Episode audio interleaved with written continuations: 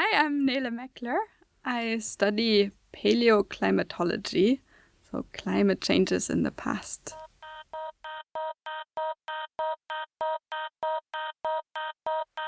I think I'm uh, I'm I'm very curious.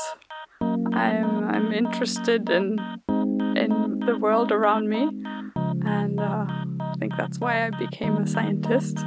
Um, I like to interact with with other people too, so I, I really like having a team to work with. Have you always been curious? I think I've, yeah, I think I could, I can say that I've always been curious. I've also always been very interested in in, in the environment and in the rocks around me, in the in the weather around me, the plants and so on. So, yeah.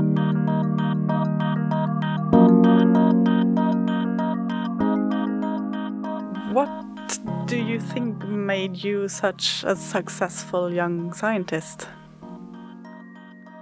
I think I I um I've been exposed to a, a lot of different environments. So I I went abroad quite early on. So already during my undergraduate studies, I spent one year in Canada, for example, and I just uh, threw myself into that cold water, if you want, out of out of my comfort zone. But I, I really learned a lot and, and made a lot of useful connections to other people that I'm still collaborating with today.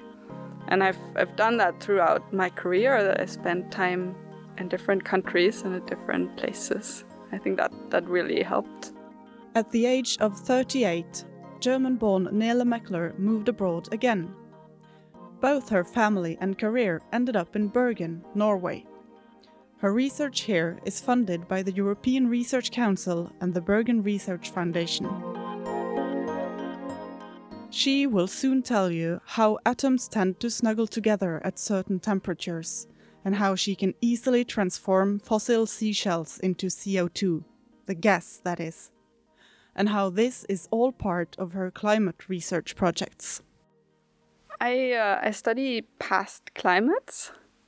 Um, I, I kind of like to describe what we do as, as being climate detectives because we're looking for for clues for how climate changed in the past from the geologic archive. So from from material like the mud that's accumulating on the ocean floor, um, little shells that we find in that mud that record, for example, past temperatures, and uh, and we're we're trying to develop or we're trying to um, to derive those clues from past climates and put them together to to get a, a picture of how the climate system responded, for example, to changes in in CO2 concentrations in the atmosphere in the past to better understand how how the climate system might change in the future after we're putting all this CO2 in the atmosphere now.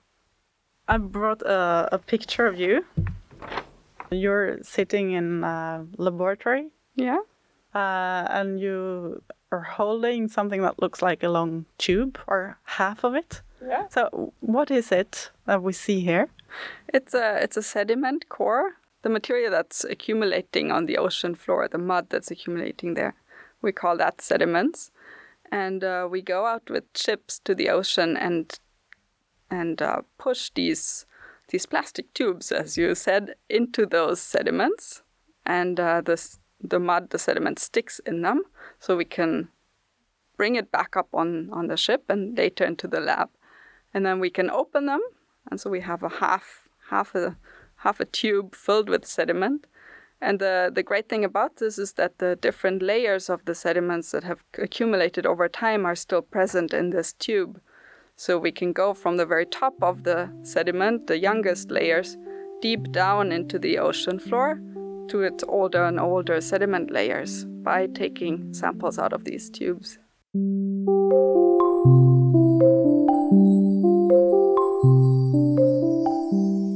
This the tube that you're holding is about maybe a meter, more than a meter long. One and a half meter yeah. long. How many years could that be?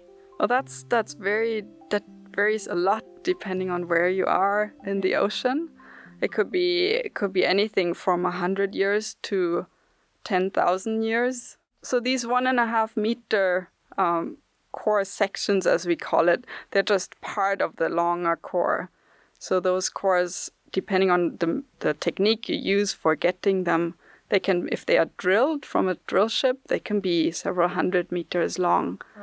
And then they're cut into these one and a half meter long sections that you can actually work with in the lab.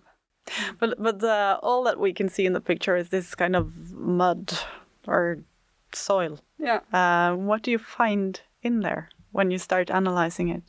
Yeah. So what what we do is we wash this this mud with a sieve. We wash it and sieve it, and uh, in the sieve we um, we collect the kind of sand-sized grains that are actually shells of organisms that used to live in the water, and that when they died, they they accumulated in this mud and are preserved there. Uh, you brought a little sample Yeah. here in the studio with something that looks like sand to me in a little glass. Yeah. Should we try to put it into the table and and look at it? Yeah. Let's do that.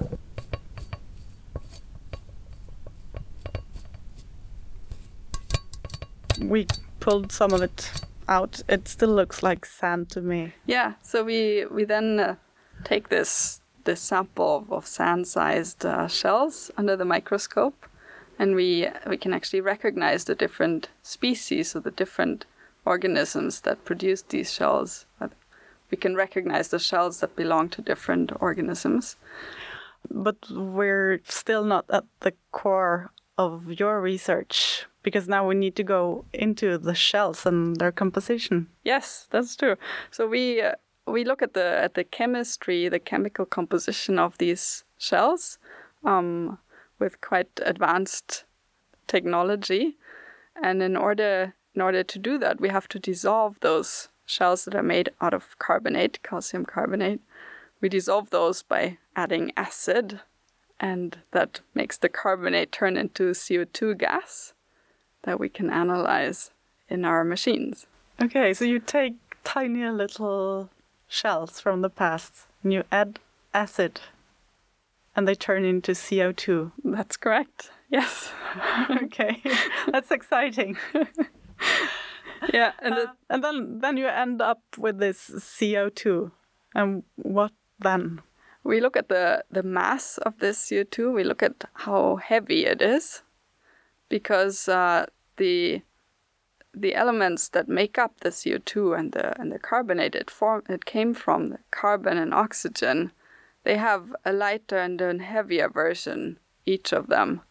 So by measuring the, in a way, the weight of the CO2, we can uh, we can find out about which of those versions we had in the original carbonate shells, and this relates to the temperature at which the, the shell was formed.